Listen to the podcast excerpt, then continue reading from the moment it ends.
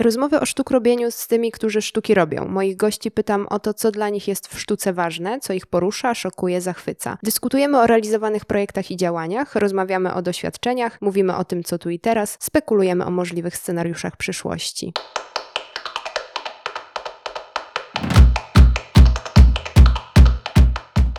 Dzień dobry, cześć. Witajcie w kolejnym odcinku i słuchajcie kolejnej rozmowy podcastu Sztuki Robi. Dziś wywiad wyjątkowy, ponieważ po raz pierwszy spotykam się z moją rozmówczynią ponad granicami i nie mówię tego tylko po to, żeby się pochwalić, jaki to jest międzynarodowy podcast, ale też dlatego, żebyście przymknęli oko, a właściwie może ucho trochę na jakieś techniczne niedoskonałości. Ja jestem w Krakowie, a moja dzisiejsza rozmówczyni Karolina Żyniewicz jest w Berlinie. Karolina jest absolwentką Akademii Sztuk Pięknych w Łodzi na kierunku sztuk wizualnych. Obecnie pisze doktorat na Wydziale Artes Liberales Uniwersytetu Warszawskiego, który to wydział prowadzi program pod nazwą Na styku natury i kultury. Artystka badaczka, która w swojej pracy tematyzuje pojęcia granicy i życia w jak najszerszych ujęciach i dużo czasu spędza w laboratoriach. Karolina pracuje z tym, co żyje. Cześć Karolina. Cześć. Kiedy przygotowywałam się do naszej rozmowy, to się dosyć długo zastanawiałam, jak ją zacząć, bo y, tak jak już sobie chwilę wcześniej z Karolą rozmawiałyśmy, no to ja y, jestem wielką fanką y, bioartowej sztuki, więc, więc wiem o co w niej chodzi. No ale myślę, że dla niektórych naszych słuchaczy to może być bardzo zagadkowy termin. Czy podejmiesz się, Karolino, opowiedzenia naszym słuchaczom, czym ten bioart jest, czego mogą się spodziewać, kiedy słyszą takie pojęcie? I wiem też, że ty raczej nie lubisz nazywać tego, co robisz, pojęciem bioartowym więc, więc chciałabym też e, się dowiedzieć, jak ty definiujesz to, co robisz i dlaczego. Bardzo dziękuję przede wszystkim za, za zaproszenie i za tak e, trafne e, wprowadzenie do rozmowy i zapowiedzenie mnie. Może zacznę od tego, że, że właściwie definiowanie bioartu e, nie jest e, łatwe i zresztą tak jak w ogóle ze sztuką jest bardzo ciężko wpisywać ją w jakieś ramy i to jest jej, jej chyba główna uroda. Natomiast bioart w skrócie definiuje się jako jako działania artystyczne, które po pierwsze jako tworzywo wykorzystują żywą materię, po drugie y, najczęściej są to działania oparte o naukową metodologię, czyli o tą y, y, laboratoryjną metodologię. Tutaj chodzi też o takie wejście na, na, na taki obszar pogranicza między działaniami artystycznymi i naukowymi. Czasami się zdarza, że jako bioart są też takie działania bardziej, powiedziałabym, tradycyjne, które inspirują się y, biologią czy, czy naturą, albo wykorzystują właśnie biomaterię, ale nie ma tego komponentu bycia w laboratorium i współpracy z naukowcami. To, to wszystko zależy od tego, y, kto y, to definiuje i co bierze pod uwagę, w jakim kontekście się obraca. W każdym razie no, sam ten termin bioart e, wskazuje, że to bio jest e, wzięte od jakby z biologii i dlatego mi się wydaje, e, przechodząc już do mojego pojmowania tego terminu i, i mojego usytuowania się ewentualnie w tym polu, jednak to jest jakaś taka forma uproszczenia i szuflady. Muszę powiedzieć, że na, na początku, kiedy też się pojawiła ta moja fascynacja bioartem, a to było dość dawno temu, no bo biorąc pod uwagę to, że możemy uznać, że takie typowo bioartowe działania rozpoczęły się od 2000 roku i od działań symbiotyki. W tym samym czasie mniej więcej e, pojawiły się projekty e, Joe Davisa, e, Gesserta czy, czy Marty de Menezes, więc to jest taka pierwsza, pierwsze pokolenie artystów bioart w tamtym czasie pamiętam, że byłam w stanie, znaczy wyobrażałam sobie to, że to jest w ogóle moja wymarzona droga i, i ja bym chciała w ten sposób, bo ta biologia zawsze była mi bliska i nawet w okresie studiów temat ciała, temat abjektualności ciała, temat wykorzystania tworzyw sztucznych, które imitują cielesność, to było y, dla mnie bliskie, ale zawsze chciałam spróbować y, nie imitować, tylko faktycznie zadziałać z życiem, na życiu. To się w pewnym momencie udało, a uważam, że to udało się dopiero wtedy, kiedy uzyskałam faktycznie dostęp do laboratorium bo wcześniej to były takie działania, takie domowe laboratorium, domowe eksperymenty, czyli oczywiście możemy sprawdzać, w jakim tempie rozkładają się jakieś żywe elementy, e, możemy działać z pleśnią, z kombuczą, ja długo działałam z owadami, ale to wszystko nie wydawało mi się na tyle przekonujące, żebym mogła powiedzieć o sobie, że e, robię bioart. I potem, kiedy się to stało, to znaczy, kiedy zaczęłam działać w laboratoriach i, i okazało się, że zaczęłam też funkcjonować w takim międzynarodowym środowisku, e, nie tylko bioartowym, ale w ogóle art and science, co wydawało mi się takim spełnieniem w ogóle wszelkich możliwych marzeń, to zaczęłam trochę bardziej krytycznie na to patrzeć. Siłą rzeczy ja już jestem jakby częścią któregoś z pokoleń, które się tego typu działaniami zajmują, więc nie czuję też, żeby to było jakoś niesamowicie pionierskie. Mam takie wrażenie, że właśnie te, to pojęcie, zresztą tutaj y, bardzo bliska mi jest opinia Joanny Żylińskiej, która w którejś ze swoich e, książek, swoich tekstów e, napisała, że właśnie to, to, to pojęcie jest trochę za wąskie i ono czasami też może mylnie e, naprowadzać na taki trop, że bioart ilustruje to, co się dzieje w biotechnologii, czy w ogóle w biologii, co nie jest prawdą, bo to jest działalność, która ma swoją metodologię i zupełnie inne cele niż i ilustracyjne. Dodatkowo jeszcze ja piszę doktora doktorat z nauk o kulturze, więc czuję się takim jakby bytem liminalnym bardziej, czyli taką, e, taką osobą, bytem właśnie biologicznym, który się e, porusza e, w bardzo różnych obszarach. To laboratorium jest mi bliskie, nie tylko jako powiedzmy pracownia, w której realizuję projekty, ale to jest też pole obserwacji etnograficznych. W ogóle etnografia jest mi bliska. Być może ona stanie się jakimś takim następnym krokiem w, w moich działaniach, bardziej widocznym. Dlatego nie chcę y, sobie pozwolić na to, żeby mnie wpisano jednoznacznie y, w to poje, znaczy powiązano mnie z tym pojęciem i z z, z tą szufladką, bo e, chcę sobie pozwolić na różne wycieczki, e, czyli nie ograniczać się tylko do tego, że, że ja już jestem sygnowana, że ja pracuję w laboratorium i, i tyle, i będę to robiła e, do końca życia. Mam taki głód spróbowania czegoś nowego, pójścia w jakieś różne strony. Dlatego trochę się tego boję, żeby się nie, żeby nie zostać zamkniętą, zaszufladkowaną. Pojawia nam się tutaj już y, bardzo dużo wątków. Przeplata się ta natura, kultura, też tak jak mówisz, ze względu na to, czym się zajmujesz w ramach swojego doktoratu. To natura, kultura, mówione na takim jednym wydechu, bez żadnej pauzy, to pojęcie, które funkcjonuje we współczesnej myśli humanistycznej. I zasadniczo, tak jakby już nie było żadnej granicy. Zlewają się te byty ludzkie, nieludzkie, porządek natury, kultury, też porządek technologii. A ty jednak też już w tej wypowiedzi, i ja też wiem, że w swoich pracach eksplorujesz właśnie tą liminalność i granice. Gdzie szukasz tych granic? Gdzie one jeszcze są w takim razie, skoro tak się zlewamy? Czy może właśnie to zlewanie się tych granic jest absolutnie pozorne i ty właśnie tą pozorność chcesz y, pokazywać? To jest bardzo ciekawy w ogóle aspekt, y,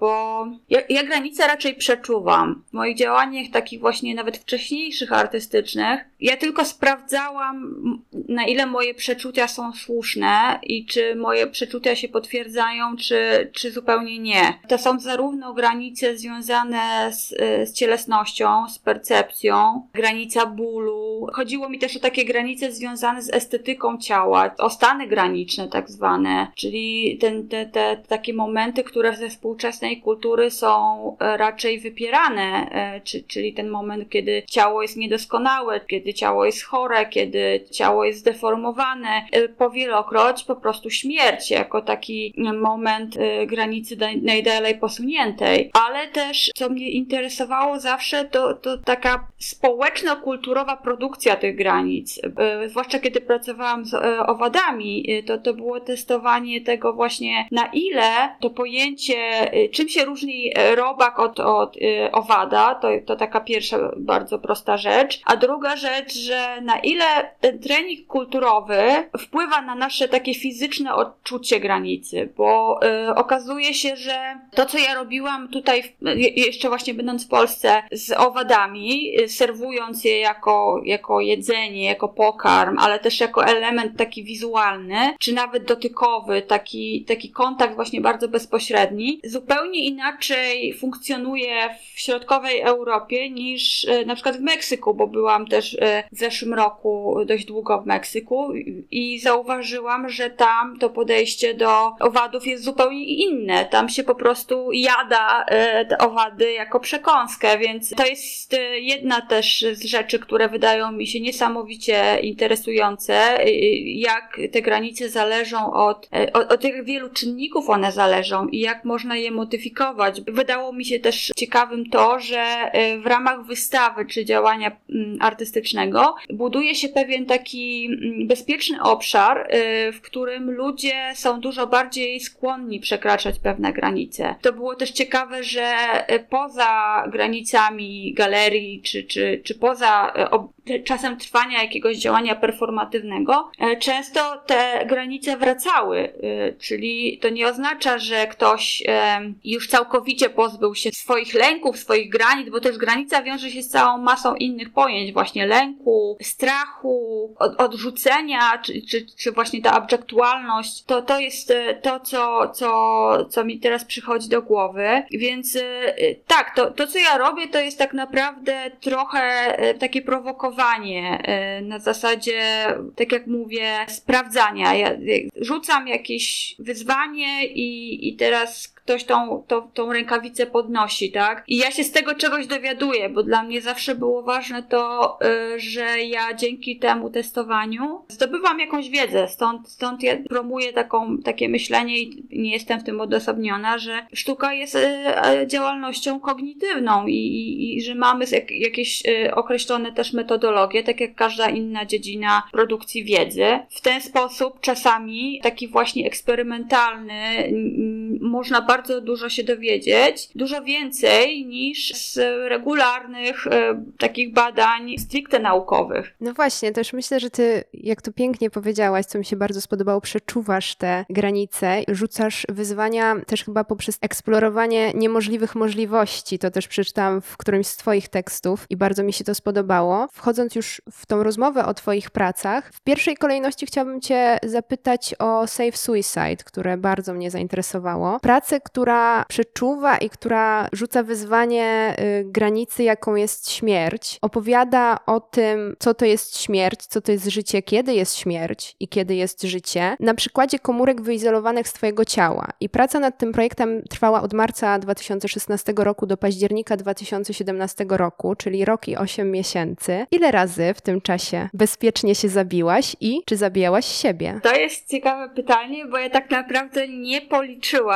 e, ile wykonałam eksperymentów takich zaplanowanych samobójstw, że tak powiem, bo okazało się w pracy laboratoryjnej i dlatego też ten projekt e, trwał tak długo i, i ja też, też do końca nie czuję, że ja wyczerpałam wszystko, e, co, co mogłoby być w tym projekcie zawarte, dlatego że okazuje się, że w pracy laboratoryjnej wydarza się bardzo wiele nieprzewidywalnych rzeczy. Kiedy się pracuje z żywą materią, nie da się zaplanować zaplanować i często te śmierci były niezaplanowane. Wynikały z błędów, wynikały z jakichś e, przyczyn nie do końca wyjaśnionych, z jakiegoś stresu hodowlanego. Więc e, ja muszę powiedzieć, że to jest ciekawe, bo w momencie, kiedy to była nieplanowana śmierć, to ja miałam straszne wyrzuty sumienia, że ja na to pozwoliłam, dopuściłam do tego i e, że ja marnuję te, te komórki.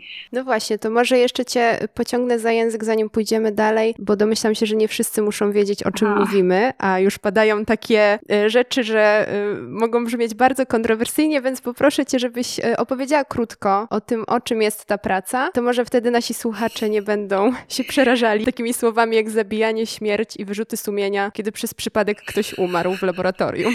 E, faktycznie. Przede wszystkim też taka mała, mała uwaga i sprostowanie. I to też jest bardzo ciekawy problem językowy, ale mówię to na marginesie, bo mówisz praca. I to jest też takie pojęcie, które jest usytuowane e, w ogóle w tradycji i, i, mówimy albo dzieło sztuki, albo praca artystyczna, albo obiekt, albo no, no, coś bardziej precyzyjnego, ale ja mówię o tym zwykle projekt, dlatego że dla mnie ten proces realizacji jest w sumie dużo ważniejszy, jest takim wydarzeniem performatywnym niż końcowa prezentacja. Szczerze powiedziawszy, końcowe prezentacje są dla mnie zwykle takim rozczarowaniem, niedosytem. Ciągle szukam jakiegoś rozwiązania, żeby, żeby jednak uniknąć tego poczucia, że to jest nieadekwatne.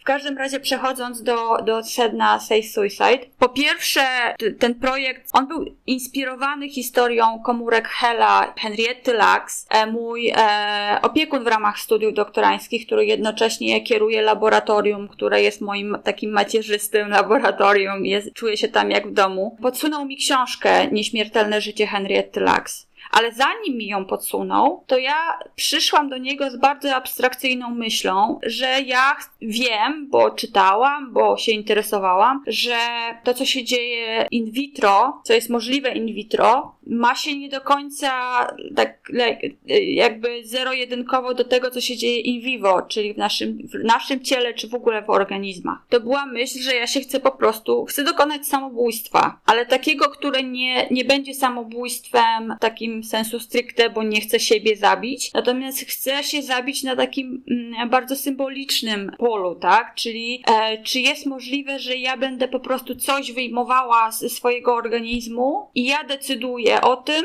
że że to uśmiercam, tak? No i, no i ta historia komórek Hela, które są e, komór, linią komórkową nieśmiertelną, e, co oznacza, że komórki dzielą się w nieskończoność, mają charakter e, nowotworowy.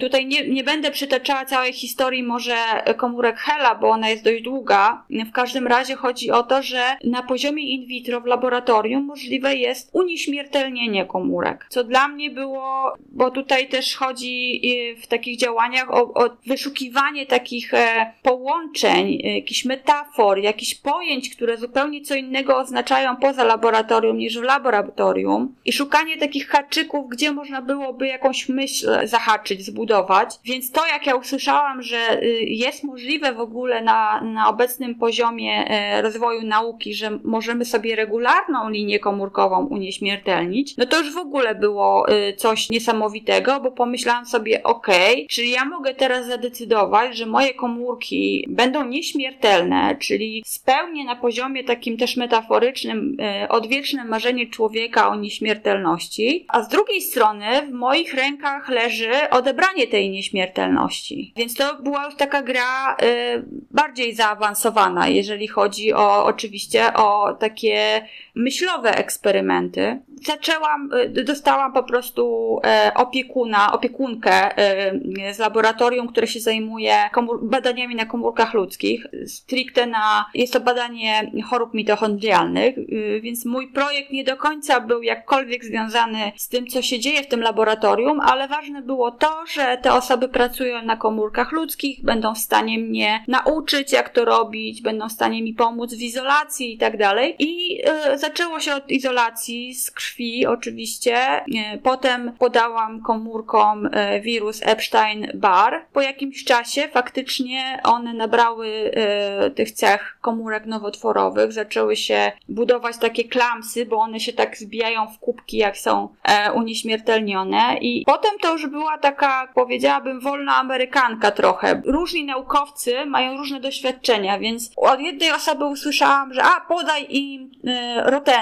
Od innej osoby, że wystarczy je wyjąć e, z, inkubatora na dłużej. Ja pamiętam, ja nosiłam je na obserwację do innego budynku, na, do, na obserwację przy, pod y, mikroskopem konfokalnym. Czasami bywało tak, że one mi po prostu umierały w drodze, dlatego że to, to nie jest długi dystans, natomiast wyjęcie ich z temperatury 37 stopni i też inkubator utrzymuje odpowiedni poziom dwutlenku węgla, powoduje szok hodowlany i one y, umierają po prostu dlatego, że mają dyskomfort y, taki czysto egzystencjalny. Więc czasami się też zdarzało, że nie udawało mi się, e, bo jest coś takiego jak zakodowana w komórce śmierć, którą komór... i to się nazywa nawet komórkowym samobójstwem. To się nazywa apoptoza. Komórka w momencie, kiedy dzieje się coś złego w genomie, albo jest jakaś mutacja właśnie, która może być niebezpieczna, zwłaszcza dla innych komórek, dla otoczenia, komórka po prostu je, je, załącza się ten e, system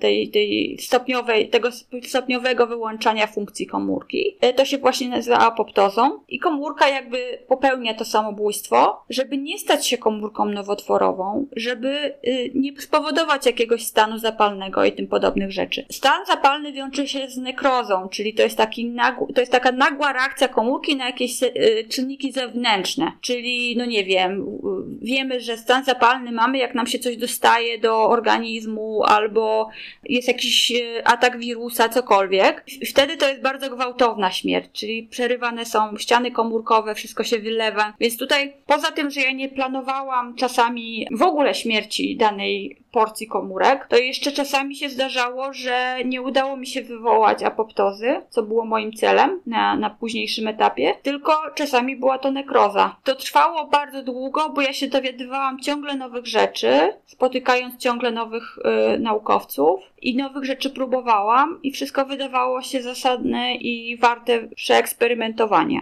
Y, I potem też to też jest ważne, że w drugim etapie, ponieważ trafiłam do laboratorium zajmującego się starzeniem, przeszłam z moich limfocytów, które zabijałam, na fibroblasty, czyli komórki skóry, testując jak długo moje komórki skóry będą żyły w warunkach in vitro, jak, jak szybko się starzeją. Porównując, jak się starzeje moja skóra w tym samym czasie. I oczywiście na poziomie in vivo te zmiany były minimalne. E, one wynikały raczej z jakichś tam zmian e, czasowych e, albo te, tego, że się nie wyspałam danego dnia. Ale na poziomie in vitro to starzenie przebiegało dużo, dużo szybciej. Więc to też było znowu zderzenie tego in vitro z in, in vivo, ale y, włączyłam ten y, etap starzenia, który jest bardzo istotny w życiu komórki, do tego projektu. Dlatego też znowu on się wydłużył. Poruszyłaś ten aspekt, y, o który też chciałam pytać, czyli o kwestię reprezentacji, często niemożliwości reprezentacji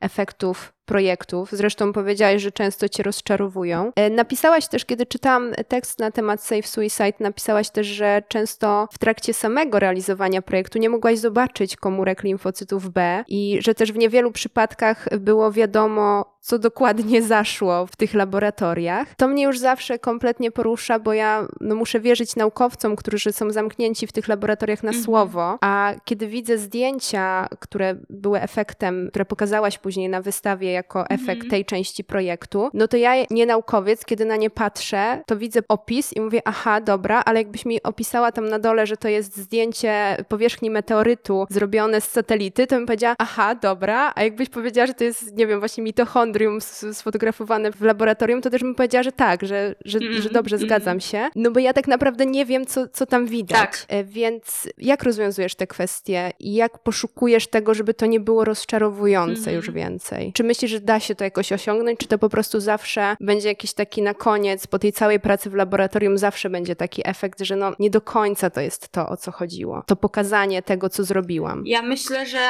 niestety, jak na ten moment, y, nie, nie znalazłam jeszcze takiego rozwiązania, dlatego że, tak jak mówię, praca w laboratorium jest fascynująca, to jest proces poznawczy, to jest uczenie się cały czas nowych rzeczy, nie mówiąc już o kontakcie z naukowcami i, i rozmowach i tak dalej, obserwacjach, które się robi e, podczas pracy. I potem nagle, to jest, ktoś mi też zwrócił na to kiedyś uwagę, chyba podczas e, spotkania ze studentami. To jest tak, że ja robię, robię, robię w tym laboratorium coś, co jest stricte stricte naukowe, no bo to, co ja robię tam, to się nie różni od tego, co robią naukowcy. Kompletnie. To jest ten sam rodzaj odczynników, ten sam rodzaj protokołów, ja muszę przestrzegać tych samych zasad, więc to jest nauka, nie, nie oszukujmy się. I na pewnym etapie, to znaczy może być tak, że idea jest nielaboratoryjna, potem mamy ten etap laboratoryjny, który jest czysto naukowy i nagle się okazuje, dobra, zamykamy projekt i teraz musimy coś wymyśleć, żeby to pasowało do obszaru sztuki, żeby to jednak była sztuka. I niestety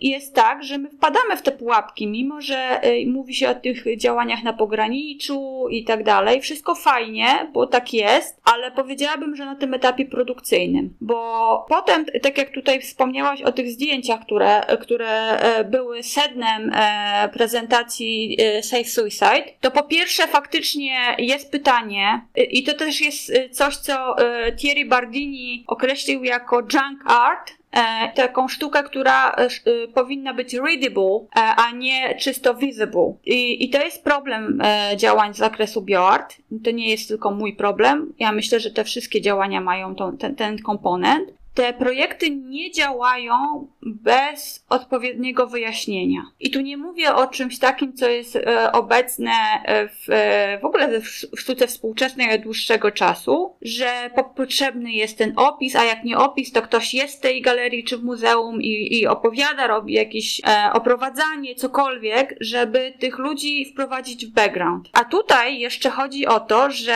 za tym się kryje dość skomplikowana wiedza. Więc wypadałoby przy każdej takiej wystawie e, po pierwsze zrobić jakiś edukacyjny cykl, który by to wszystko wyjaśnił. Ja mogę powiedzieć o jednym bardzo dla mnie ważnym zdarzeniu, które czytelnie pokazuje ten problem. E, I to się stało w zeszłym roku. Pierwszy raz podczas wystawy w Galerii Łaźnia profesor Kluszczyński, który był kuratorem tej wystawy, stwierdził, że możemy sobie na to pozwolić, że ja dokonam takiego rytualnego zabicia tych moich komórek, performatywnie w ramach otwarcia wystawy. No i wszystko świetnie, bo ja nigdy wcześniej nie miałam na to szansy, więc to jest powiedzmy takie wprowadzenie publiczności do tego laboratoryjnego świata, no bo zrobię to, co robię w laboratorium na ich oczach. Wszystko było przygotowane w taki bardzo powiedziałabym ceremonialny sposób, czyli jakaś taka scenografia, jak, jakby to było właśnie jakieś sakralne wydarzenie, w coś w tym stylu. Nawet galeria za, zamówiła specjalną kamerę do mikroskopu i tak dalej, pomijam przygotowania. W każdym razie to, co się wydarzyło podczas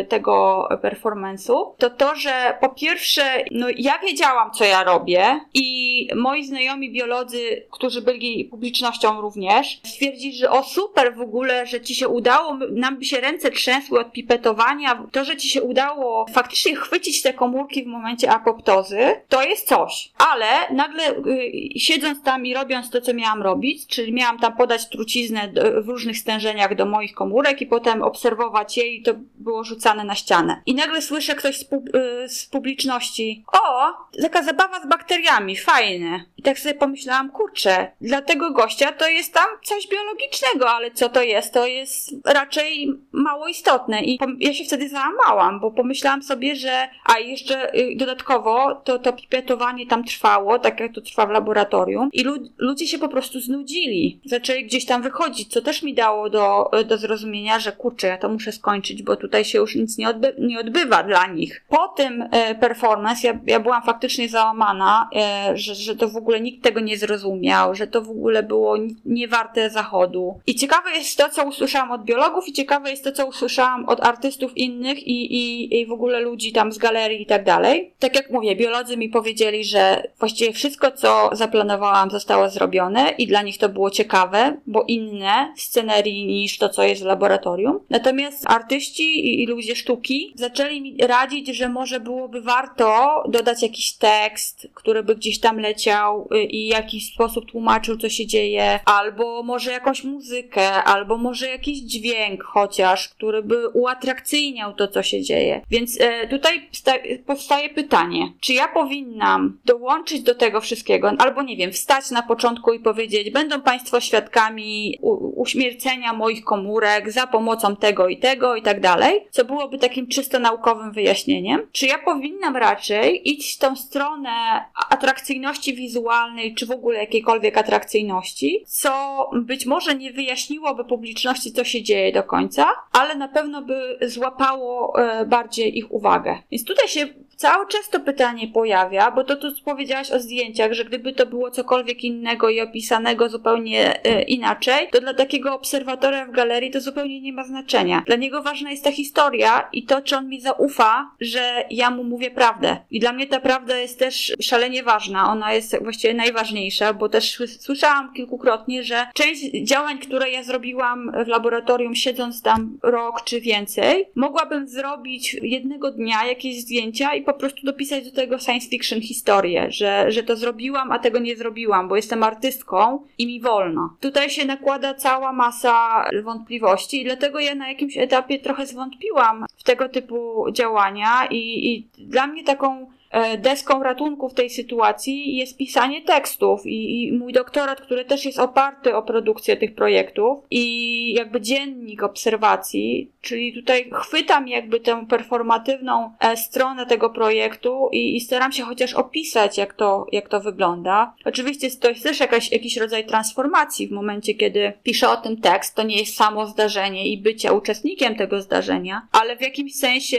to mi pozwala e, nie stracić tego, tego, co z mojej perspektywy jest e, chyba najbardziej interesujące. Tutaj też e, od razu dotykamy pewnie tematu na zupełnie inną rozmowę, w ogóle o kwestii zaufania wobec ludzi, którzy działają w laboratoriach i wobec tak. tego, co później nam mówią, ale to już jest pewnie w ogóle nawet pozaartystyczny temat e, w dzisiejszych czasach, myślę, nieustannie aktualny. No ale myślę, że też to, to, co mówisz, jest ciekawe w kwestii twojej pracy The Last Supper, Ostatnia Wieczerza, gdzie, gdzie też nie mogłaś, z tego co rozumiem, nie mogłaś efektu tego projektu, przepraszam, znowu powiedziałam praca, ja jakoś tak się przyzwyczajam do tego słowa. Nie szkodzi. Już się poprawiam i będę mieć projekt. Nie, to też jest właśnie ciekawe, nie? Że, że, że ja też jak, jak się zajmowałam tą sztuką na, na studiach, to też szukałam jakichś takich, bo te efekty, ja pisałam o sztuce tkankowej akurat, no i te efekty są ciągle żywe. Kiedy jest jakiś ostateczny eksponat? Nie wiadomo, nie, jak to nazwać. W każdym razie ostatniej wieczerzy też nie mogłaś zrobić poza laboratorium. Może tutaj zrobimy tak, że najpierw cię poproszę, żebyś powiedziała, o czym to było, a potem zaczniemy mówić o samym jedzeniu, bo znowu pewnie możemy kogoś wystraszyć, jak ja od razu zacznę mówić o tym, co jedliście i kogo. To też jest, e, to, to, to że e, mówisz o tym, że to może kogokolwiek przestraszyć, to, to była e, jedna z tych granic, które ja postanowiłam przetestować w tym projekcie bo tak naprawdę to nie powinno nikogo przestraszać. I bardziej przestrasza, wydaje mi się, forma tego projektu niż to, co się faktycznie biologicznie w nim zadziało, bo The Last Supper to było też takie zagranie z mojej strony, ukłon w stronę historii sztuki, trochę e, dyskurs e, z przymrużeniem oka z historią sztuki i zwłaszcza z tym e, słynnym freskiem Leonardo da Vinci Ostatnia Wieczerza. I postanowiłam zrobić coś, co pokazuje trochę naukę jako taki obszar cudów. E, przynajmniej taki obszar, w którym po pierwsze ludzie, którzy nigdy nie byli w laboratoriach i o tym, o tym też mówisz, że to się, to się czasami wydaje podejrzane, to jak co oni tam robią, jeszcze teraz w okresie pandemii, to, to ta taka e, teoria spiskowa, że to tam na pewno ktoś te, tego wirusa specjalnie sprokurował wypuścił i wypuścił, go, to ci naukowcy tam siedzą, nie wiadomo co robią i na ręce im nikt nie patrzy. Dla mnie w ogóle ciekawy jest temat G GMO i tego, jak bardzo y, jest rozbujany ten y, społeczny lęk y, przed wszystkim, co jest modyfikowane genetycznie. Mój opiekun zwykle robi wykłady na ten temat, pokazując, że te modyfikacje genetyczne to nie, nie tak, że w XX wieku się zaczęło, tylko mamy całą masę tego typu działań, mamy całą masę odmian różnych warzyw, owoców, które jemy na co dzień i one też są modyfikowane nie mówiąc o jakichś zwierzętach domowych, które też e, to są jakieś krzyżówki e, i modyfikacje, żeby uzyskać e, dany rodzaj psa czy kota. W każdym razie tutaj też pojawia się najgoręcej ten temat GMO, oddziałuje w tej sferze pokarmowej. On to się zaczyna robić takie tabu pokarmowe, a tabu pokarmowe mnie zawsze interesowało, nawet na tym poziomie owadzim, to było właśnie testowanie tego tabu, a tutaj to się jakby pogłębiło, bo y, idea była taka, żeby e, wyprodukować y, alkohol z użyciem drożdży, które będą miały mój gen i mój gen będzie odpowiedzialny po części za fermentację, tym samym będzie odpowiedzialny za produkcję tego alkoholu. Więc wiemy, że w ostatniej wieczerzy mamy transsubstancjację, czyli zamianę wody w wino, ciała w chleb to my postanowiliśmy z moim głównym e, partnerem part e, projektowym, Jakubem Piątkowskim, muszę wspomnieć, bo, bo wiele rzeczy z nim właśnie robiłam i robię, że my zrobimy po prostu taką transubstancjację w warunkach laboratoryjnych. Ona oczywiście też nie jest dosłowna, bo to, że e, my znaleźliśmy gen, wybraliśmy ten gen i wprowadziliśmy go do drożdży, nie oznacza, e, że te drożdże są mną. I też trzeba powiedzieć, że jako gatunek, ludzie e, dzielą całą masę genów z innymi gatunkami, e, już nie mówiąc o tym, że na co dzień mamy styczność z całą masą nie, nie swoich genów, powiedzmy tak. Bo jeżeli ja e, włożę palec do czyjegoś napoju, czy wpadnie tam, nie wiem, kawałek mojego włosa, cokolwiek, no to tam jest więcej tych genów moich niż w tym działaniu, tym eksperymencie. Natomiast to tak mocno oddziałuje na wyobraźnię i tak mocno uwypukla brak wiedzy, że to jest po prostu niesamowite. Poziom rozumienia y, był bardzo dosłowny, bo ja postanowiłam, myśmy zrobili piwo zamiast wina y, z,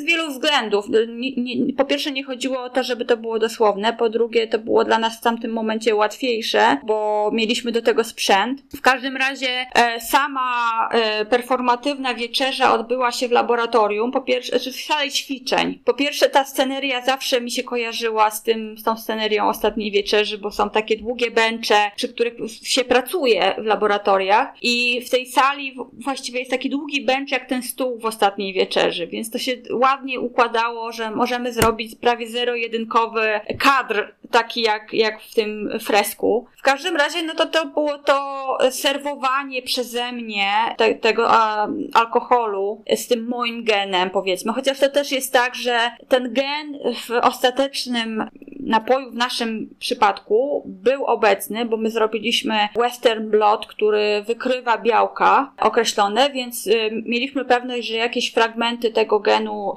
y, są w tym alkoholu, podczas kiedy normalnie, y, gdybyśmy to poddali pasteryzacji, oczyszczaniu regularnemu, to tam nie byłoby nic, co można by uznać za jakieś szcząt szczątki organizmu GMO. W każdym razie e, to było takie częstowanie tym, tym, tym alkoholem. Ja też upiekłam, może nie chleb, ale takie powiedziałabym, może ciastka, ale one nie były słodkie. To było coś na zasadzie opłatków. Też używając tych drożdży modyfikowanych. E, ja się trochę też obawiałam, zwłaszcza pokazania tego projektu w łaźni, czy w obecnej sytuacji, jaką mamy w Polsce, czy mnie nie spotka coś nieprzyjemnego. Na szczęście e, nic mnie złego nie spotkało, jeżeli chodzi o komentarze. Poza tym, że gdzieś tam u mnie nawet na wydziale pojawiły się takie obserwacje, że jakby w samym tym działaniu i w tym performance ja stawiam siebie w roli y, Chrystusa, stoję i stoję i jakby to jest wzięte z mojego ciała, plus ja w tej sytuacji jestem w centrum i dokonuję takiego działania, które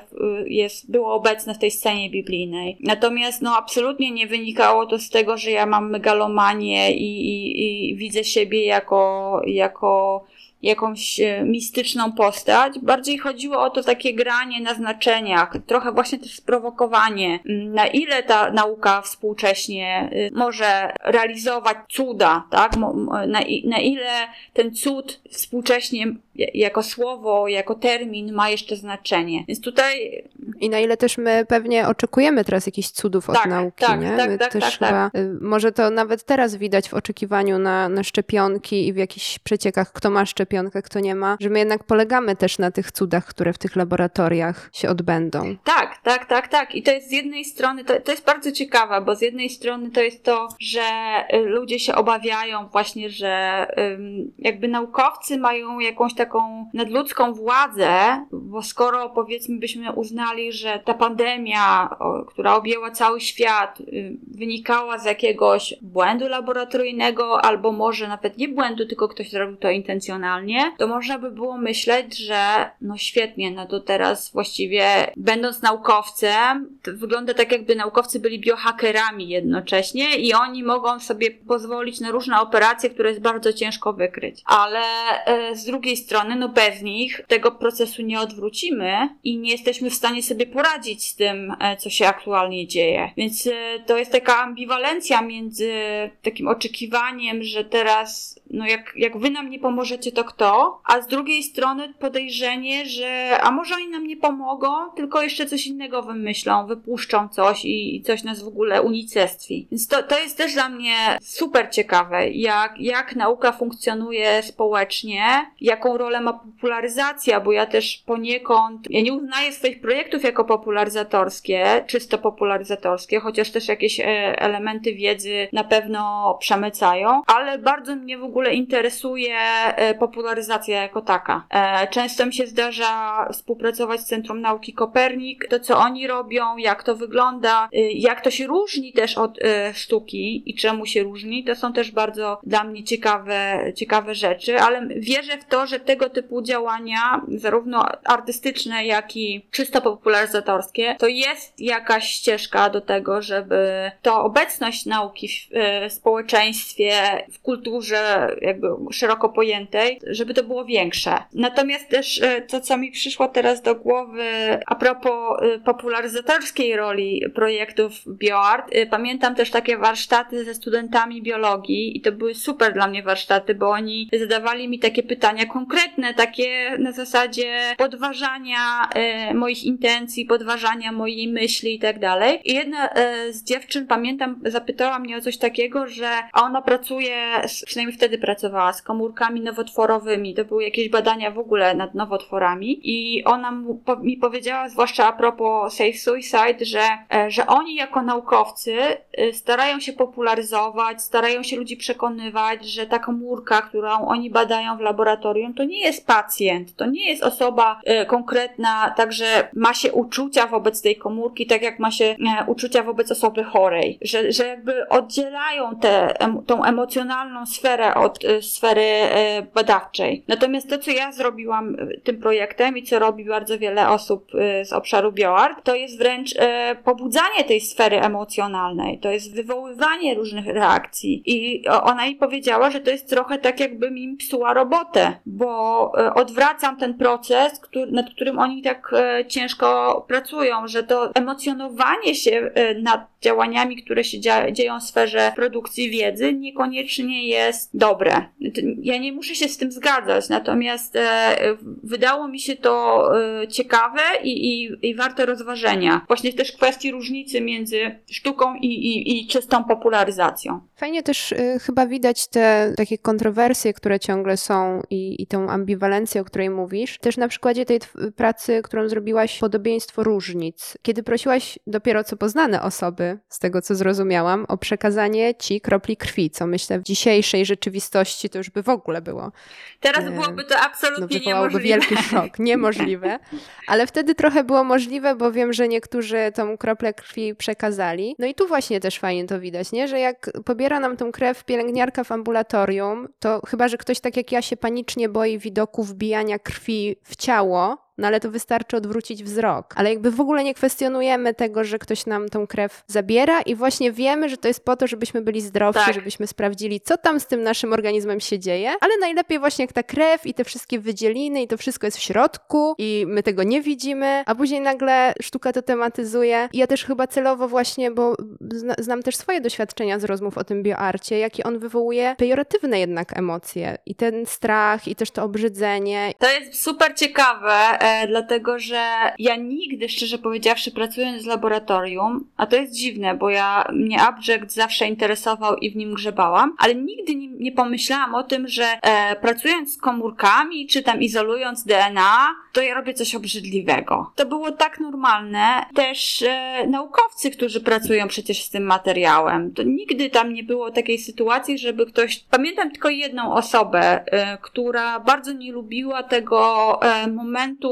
izolacji komórek z krwi. No robiła to, bo, bo musiała, ale to nie było dla niej jakoś super fajne. Natomiast potem, jak już te komórki były wyizolowane, to już było wszystko w porządku. Więc moim zdaniem to już też tak, to nawet teraz gdzieś pisałam o tym, że to jest tak jak e, e, Julia Kristewa w swojej e, książce Potęga Obrzydzenia e, pisała o tym, że abject tak naprawdę prze, właśnie przekracza granice. I tak jak mamy włos, który jest w zupie, to on jest w innym kontekście niż włos, który jest u nas na głowie. I my się brzydzimy tego włosa, który jest w innej przestrzeni. I tak samo jest z krwią. Krew, która jest w naszym obiegu, ona jest e, dobroczynna, ona nas utrzymuje przy życiu, natomiast poza ciałem to jest coś e, wyjęte tak jakby znowu z tego oryginalnego kontekstu. Komórki e, przechodzą pewien taki etap, bo mamy izolację z krwi i potem one sobie funkcjonują w tej sferze in vitro, w pożywce i mam wrażenie, że one nie są obrzydliwe,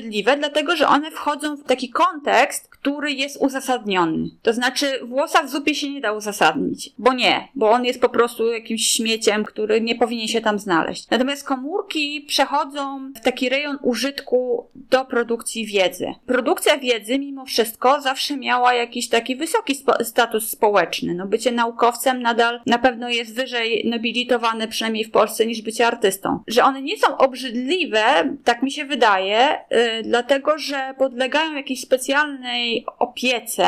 Oczywiście tutaj trzeba było też rozważyć yy, znaczenie opieki, które jest teraz bardzo obecne yy, w nowej humanistyce. Tak, one są tam po coś. One zaczynają być abjectem, mam wrażenie, w momencie, kiedy stają się e, biohazardem, czyli kiedy już zrobimy na nich doświadczenie i one już nie są potrzebne. Wtedy to jest coś, co należy wyrzucić, bo nie utrzymuje się tego przy życiu, dlatego że utrzymywanie komórek przy życiu jest kosztowne. Więc to też jest bardzo ciekawa różnica, że w laboratorium to, co jest żywe, jest dużo łatwiej dostępne i tańsze niż odczynniki, niż aparatura laboratoryjna czy plastiki laboratoryjne. Tu mnie trochę to dziwi, że, że ludzie tak reagują, dlatego że na przykład wiem to na pewno, bo to słyszałam od wielu osób, które widziały mój projekt na wystawie, że on jest tak estetyczny, że nie budzi żadnych negatywnych reakcji. No może poza tym, że jakby idea może być e, w jakimś sensie kontrowersyjna, ale sam, sama forma jest e, przeestetyzowana wręcz. I, I tutaj też jakby wracam do tych moich owadów, że tam też robiłam to przeestetyzowanie, które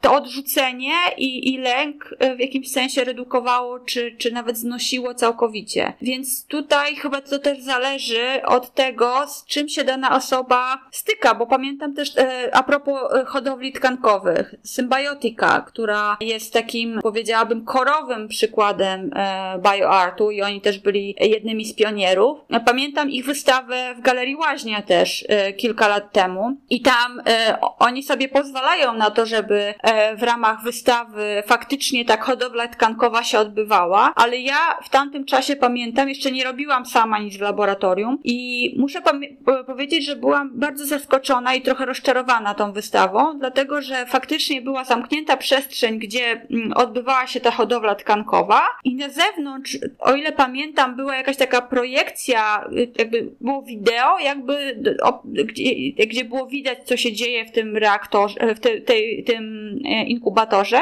Natomiast na zewnątrz cała wizualność tego, tej wystawy polegała na e, printach, takich wielkich e, plakatach kolorowych, nawet trochę przejaskrawionych, tych właśnie tkankowych tkankowych rzeźb. Więc sobie pomyślałam, zaraz, moment, to ja tutaj mam kontakt z tą, z tą hodowlą tkankową, czy w ogóle nie? O, co jest tutaj ważniejsze? Tam, to, to, co się tam dzieje za ścianą, bo tam wymieniają pożywkę i tam nie ma dojścia, czy, czy te plakaty? To ja mam teraz, czym ja mam się zachwycić w tym wypadku? Więc y, też mi się wydaje, że w tym przypadku tamtej wystawy, no nie, nikt nie miał chyba takich reakcji, że to jest coś obrzydliwego, dlatego że znowu te plakaty były bardzo przeestetyzowane. Nie było też kontaktu z tą e, biologiczną materią. tym samym, no, czysto wizualnie, to, to znowu nie, to, ten object nie był obecny. Pewnie też y, tu dochodzi ten aspekt, że boimy się tego, czego nie Tak, znamy, tak, nie? tak. że to nas bardziej Mhm. przeraża, dopóki nie poznamy tego, tak jak mówiłaś bardzo ciekawie o GMO. Ja też zresztą mam takie przemyślenia, że wiele tych produktów, które już jemy i uważamy za czyste i nieskażone, są efektem genetycznych modyfikacji, Mm. czy niektóre zboża, które jemy, no, spożywamy codziennie, są też efektem pracy na ich genetycznej linii. Tak, tak, tak. I jak ja widzę serek e, w sklepie, który jest bez GMO, to po prostu jest mi trudno zrozumieć, po pierwsze producenta, co on miał na myśli, po drugie jest mi trudno zrozumieć konsumenta, co mu to daje, że ten serek jest bez GMO. Bo y, też wspomniałaś wcześniej, że mówimy o naturokulturze y, właściwie jednym tchem. I to jest technokultura, post, y, postnatura, y, to w zależności od tego, kogo, jakiego teoretyka będziemy cytować. I jest to dość jasne, że jakby kulturowo jesteśmy osadzeni w naturze, a jednocześnie ta natura determinuje kulturę. I tutaj nie ma czegoś takiego jak natura, którą my będziemy chronić, żeby jej nie dotykać, żeby coś było naturalne. Co to znaczy, że coś jest naturalne? To jest y, bardzo y, szeroki temat, ale tak naprawdę no, trudno mówić o, o czymś takim, właśnie o tym rozdzieleniu, że ktoś tam, nie wiem, ktoś, kto mieszka na wsi, może powiedzieć, że mieszka, że mieszka w otoczeniu natury, ale nie, nie uczestniczy wtedy w kulturze. No, uczestniczy, no bo może sobie wytworzyć pewne rzeczy, natomiast e, funkcjonuje też społecznie, a spo, to, co się dzieje społecznie, jest uwikłane w kulturę w każdej możliwej sferze, więc to, to są tego typu też dyskusje, ponieważ pseudonauka bardzo kwitnie i trudno jest w internecie i w ogóle w mediach oddzielić to, co jest głosem ekspertów i faktycznie należałoby tego słuchać, a co jest po prostu bełkotem. No, mam wrażenie, że to, to, to że mamy produkty bez GMO, to jest jakiś taki ekonomiczno-polityczny e, zabieg, któremu się większość społeczeństwa poddaje I, i, i to jest smutne, że tak łatwo jest manipulować i tak łatwo jest wprowadzać w błąd. Czy zauważasz jakąś zmianę w podejściu do Twojej pracy w tym czasie pandemii? Czy na przykład z Twojej strony jakąś zmianę, albo z zewnętrznej strony? Bo już ta pandemia nam tu się w nieuniknione to było, Mm. żeby się zaczęła przewijać i wirus ten nieludzki byt wkroczył nagle w życie wszystkich ludzi i stał się dominującym tematem. I czy jest jakiś właśnie większy lęk przed prezentacją tych żyjących obiektów, czy jest jeszcze zdecydowanie za wcześnie? Bo to też, co fajnie że wszystkie te projekty wymagają czasu, bo Mhm. jednak praca w laboratorium to nie jest jeden dzień i wszystko zrobiłem, mam Mm. komórki, zrobiłam eksperyment i mam efekty i wiem na pewno. Czy jest jakaś zmiana, czy jeszcze nie doświadczyłaś żadnej? Ja muszę powiedzieć, że w czasie pandemii e, miałam okazję uczestniczyć w, tak środowiskowo, co, było ciekawe, bo z jednej strony ten social distancing, e, ale to okazało się bardzo stymulujące e, i pojawiły się takie inicjatywy, które no, normalnie na co dzień nikt nie miał na to czasu. I nagle się okazało, że my siebie potrzebujemy bardziej. Uczestniczyłam w takiej grupie, która była e, zatytułowana Viral Culture, Bioart and Society i to co sobota się odbywało i myśmy dyskutowali jako właśnie twórcy liminalni, że tak powiem. Pierwsze spotkania to były takie czysto emocjonalne sytuacje pod tytułem, gdzie, w jakiej części świata co się dzieje i jak na to reagujemy. Potem się pojawiły takie dyskusje merytoryczne, co my możemy w tym czasie robić jako artyści, bo laboratoria są zamknięte, ale mamy laboratoria na zewnątrz. W tym, w tym czasie jakby e, rzeczywistość stała się laboratorium, bo nagle wszyscy chodzą w maskach, nagle wszyscy chodzą w rękawiczkach, Nagle wszyscy się dezynfekują, myją ręce tak, w końcu. Więc e, nagle się okazało, że to laboratorium jest poza laboratorium. Co my możemy w tym czasie robić, tak?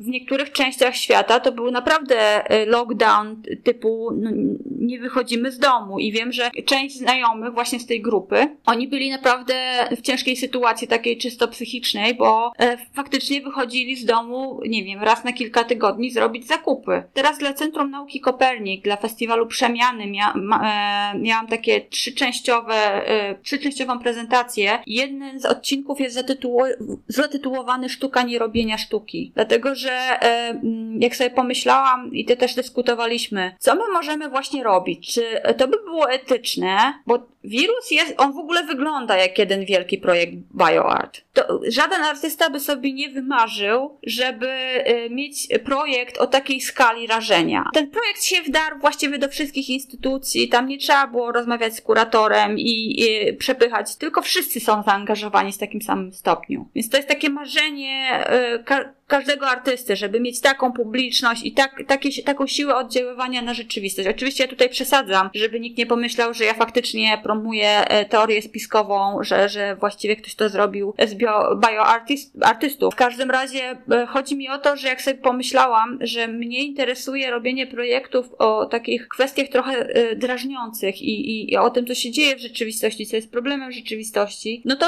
no teraz jest najlepszy moment, no bo to, to co się dzieje jest biologiczne, jest biopolityczne, ale no co, przecież nie pójdę do szpitala i nie będę robiła jakiś, pobierała jakichś próbek osób, które chorują, albo nie wiem. W momencie, kiedy to się dzieje tu i teraz i, i ludzie walczą o życie, służba zdrowia walczy o jakieś środki i tak dalej, i wszyscy są w to uwikłani, to robienie projektu w tym czasie, no wydaje się po pierwsze wysoce nieetyczne, a po drugie zupełnie niepotrzebne, nieadekwatne, no bo cokolwiek byśmy powiedzieli, to i tak przegrywamy z rzeczywistością. Więc e, teraz Teraz już sytuacja trochę inaczej wygląda, bo jestem tutaj w Berlinie i w Art Laboratory Berlin Teraz jest wystawa o, o, o macierzyństwie yy, i, i jakby te, po, pojmowaniu macierzyństwa, nowym pojmowaniu, takim technologicznym pojmowaniu macierzyństwa. I tam się pojawiają yy, prace, które mają ten komponent żywy. To jest, to jest też zabawne obserwować, jak kuratorzy muszą utrzymywać wyst tą wystawę przy życiu. Natomiast rozmawiałam już e, z nimi, rozmawiałam jak przebiegała otwarcie, bo nie miałam okazji być na otwarciu. Byłam e, indywidualnie. Brałam też w takim projekcie udział e, takiej rezydencji wirtualnej BioFriction, gdzie wymyślaliśmy scenariusze e, science fiction, jeżeli chodzi o wystawy, kuratorowanie, przebieg wystaw e, po pandemii. I to wszystko na razie jest za wcześnie, żeby obserwować, w jakim kierunku to idzie, ale już są pewne zmiany. Nie powiedziałabym, że ludzie się jakoś bardziej boją tego typu wystaw i tego typu prezentacji, bo też nie do końca są nadal świadomi. Wchodzą do galerii i czasami są zaskoczeni, e, co tam jest. W każdym razie, no, same zasady pokazywania tego typu rzeczy, w ogóle pokazywania czegokolwiek, to, że na przykład otwarcie to jest y, na zapisy i każdy, kto przychodzi, ma 15 minut na zobaczenie wystawy i musi wyjść, bo kolejne osoby stoją w kolejce. I te zasady, że musimy być w masce, musimy być e, w rękawiczkach. Oczywiście to jest bardzo ciekawe i pewnie do tego na jakimś etapie dojdzie, jak zgrać konstruowanie tych wystaw, czy w ogóle obiektów, czy tego, co jest prezentowane, z tymi potrzebami epidemiologicznymi. Więc przypuszczam, e, że na jakimś etapie po prostu artyści zaczną z tym grać. Sama mam ochotę, natomiast e, na tym etapie też e, ciężko jest się w ogóle przebić do jakiejś instytucji. To, że właśnie ta wystawa w Art Laboratory Berlin fizycznie się odbywa, to jest dla mnie jakiś cud, olśnienie, bo większość instytucji albo jest zamknięta, albo robi wystawy na zasadzie wirtualnej, czy, czy wydarzenia wirtualne. Więc trudno mi powiedzieć, wydawało nam się w okresie lockdownu, że to jest y, dla bioartu, że to może być kryzys, że może być jeszcze trudniej. Natomiast y, teraz sytuacja y, tak tragicznie nie wygląda, bym powiedziała. I, i obserwuję to cały czas, odwiedzam różne instytucje, nie tylko te, które pokazują bioart, żeby zobaczyć, jak sobie te instytucje z tym radzą. I, i tyle. Zobaczymy, jak to będzie dalej dalej przebiegało. Ja mam wystawę w listopadzie w Bytomiu, biorę udział w wystawie zbiorowej i tam faktycznie też będę pokazywała szalki. Co prawda zamknięte i zabezpieczone, ale jednak, więc, y, więc zobaczymy, e, czy, czy to się spotka z jakimś sprzeciwem i czy, czy ludzie będą się obawiali kontaktu z tym. To też jest dla mnie super ciekawe e, pole do obserwacji. No właśnie, nie? Szczególnie teraz, kiedy mhm. myślimy, są te teorie spiskowe, że ten wirus został wy, wyniesiony z laboratorium. Szczególnie teraz będzie ciekawe zobaczenie reakcji na te laboratoryjne elementy tak blisko ciebie, jako odbiorcy. Ale nie zdziwiłabym się, szczerze powiedziawszy, gdyby tych reakcji jakichś specjalnych spowodowanych e, koronawirusem po prostu nie było. Bo mam wrażenie też tutaj właśnie, znowu wracając do Art Laboratory Berlin, bo spędziłam tam e, trochę czasu, e, po pierwsze po, oglądając publikacje które wydali do tej wystawy, ale też byłam ciekawa, chciałam tam spędzić trochę czasu i zobaczyć, jak ludzie przychodzą i co oni tam robią, jak oni na to reagują i mam wrażenie, że znowu jest coś takiego, że sztuka jakby tworzy taki kontekst, który się wydaje bezpieczny, że mam wrażenie, że oni tego, że tam jest coś żywego, w ogóle nie łączą z faktem yy, pandemii. No, zwłaszcza jeżeli to jest jakaś tam roślina, albo tam głównie takie rzeczy są. I to jest zamknięte w jakimś pojemniku, to, to no nie, nie spotkałam się z taką reakcją, że ktoś powiedział, że nie, nie, nie, to dziękuję. To, to wszedłem, bo widzę, że jakaś wystawa, ale nie, nie chcę tego oglądać, nie chcę mieć z tym kontaktu. To jest też dla mnie takie ciekawe pole e, badawcze, pole do obserwacji. Wspomniałaś o wystawie w Bytomiu, a coś jeszcze u Ciebie twórczo w najbliższej przyszłości? To jest też trudne pytanie. Po pierwsze się zdecydowałam na przeniesienie się do Berlina, gdzie, gdzie chcę szukać jakichś nowych ścieżek, że tak powiem, nowych kontaktów. Faktycznie to jest też taka emigracja y, z laboratorium, chociaż ono jest dla mnie zawsze dostępne i myślę, że e, kiedy będę potrzebowała e, cokolwiek zrobić, to będę po prostu wracała do Warszawy na, na ten moment. Dlatego, że tutaj w Niemczech, wiem to od moich tutaj znajomych, którzy też się zajmują bioartem, a są z Berlina, mieszkają w Berlinie, że dostęp do laboratorium w ogóle, w ogóle jest y, i był i teraz jest dużo trudniejszy niż w Polsce i w innych krajach, którzy, gdzie artyści faktycznie mają ten dostęp, e, ponieważ no, Niemcy są bardzo restrykcyjni, więc jeżeli coś się dzieje, to, to nie ma przebacz, jest, jest protokół, tego się nie robi i koniec. Więc y, muszę wykorzystywać też to, że no, no nie jest to duża odległość, y, więc y, w razie jakiegoś y, zapotrzebowania na pracę laboratoryjną, to póki co będę tam wracać. E, no jest ta wystawa w Bytomiu, ja właściwie wszystko do tej wystawy przygotowałam jeszcze w sierpniu, też właśnie w laboratorium z Kubą Piątkowskim, e, tak żeby w listopadzie przyjechać jakieś około dwóch tygodni przed wystawą i to wszystko e, opracować. Mamy jeszcze jeden plan właśnie z Kubą na, na, na pewien eksperyment. E, nie wiem, kiedy go zrobimy, zwłaszcza, że jestem tutaj.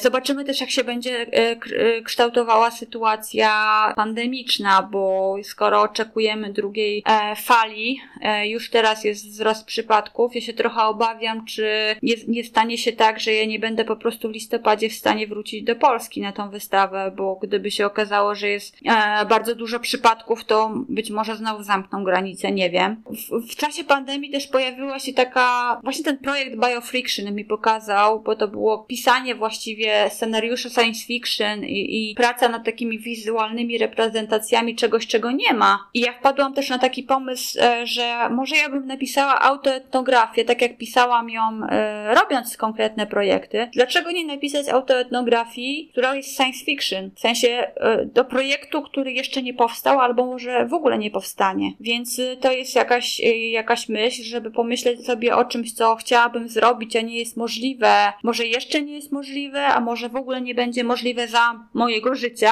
Napisać właśnie to, jak ja bym robiła to krok po kroku w laboratorium, bazując na, to, na, na tych doświadczeniach, które już mam. Bardzo mi brakuje działania manualnego. Ja nie mam swojej pracowni e, ani tu, ani, ani w Polsce, więc wiele rzeczy robię w tym momencie konceptualnie, wiele rzeczy sobie planuję. Ja też piszę doktorat w tym, w tym momencie. To też mnie bardzo ogranicza, jeżeli chodzi o robienie projektów. Tak jak mówię, ja mam jakieś, mam jakieś pomysły, mam, mam jakieś koncepcje i to na ile one będą wykonalne, zobaczymy. Karolino, bardzo Ci dziękuję za rozmowę. Myślę, że wyszła nam dosyć długa, e, fajna rozmowa o, o tej sztuce, która ma swoje związki z biologią, z laboratoriami i z tymi wszystkimi tajemniczymi e, pewnie dla wielu osób rzeczami. Ja również bardzo dziękuję. Jeżeli ktoś na przykład y, po wysłuchaniu tej rozmowy miałby jakieś pytania, y, to ja zachęcam do pisania, będę je Karolinie przekazywać i y, myślę, że na pewno będzie Wam jeszcze wyjaśniać. Myślę, że w ogóle jest wiele kwestii, których nie poruszyłyśmy, a, a, pewnie też byłoby warto w ogóle samego faktu, jak zacząć pracę w laboratorium, wiesz, takie pytanie, jak, jak się tam ma dostać taki człowiek, który przychodzi, puka i mówi, hej, czy ja mogę teraz z naukowcami sobie popracować tutaj? No to też nie było łatwe, więc faktycznie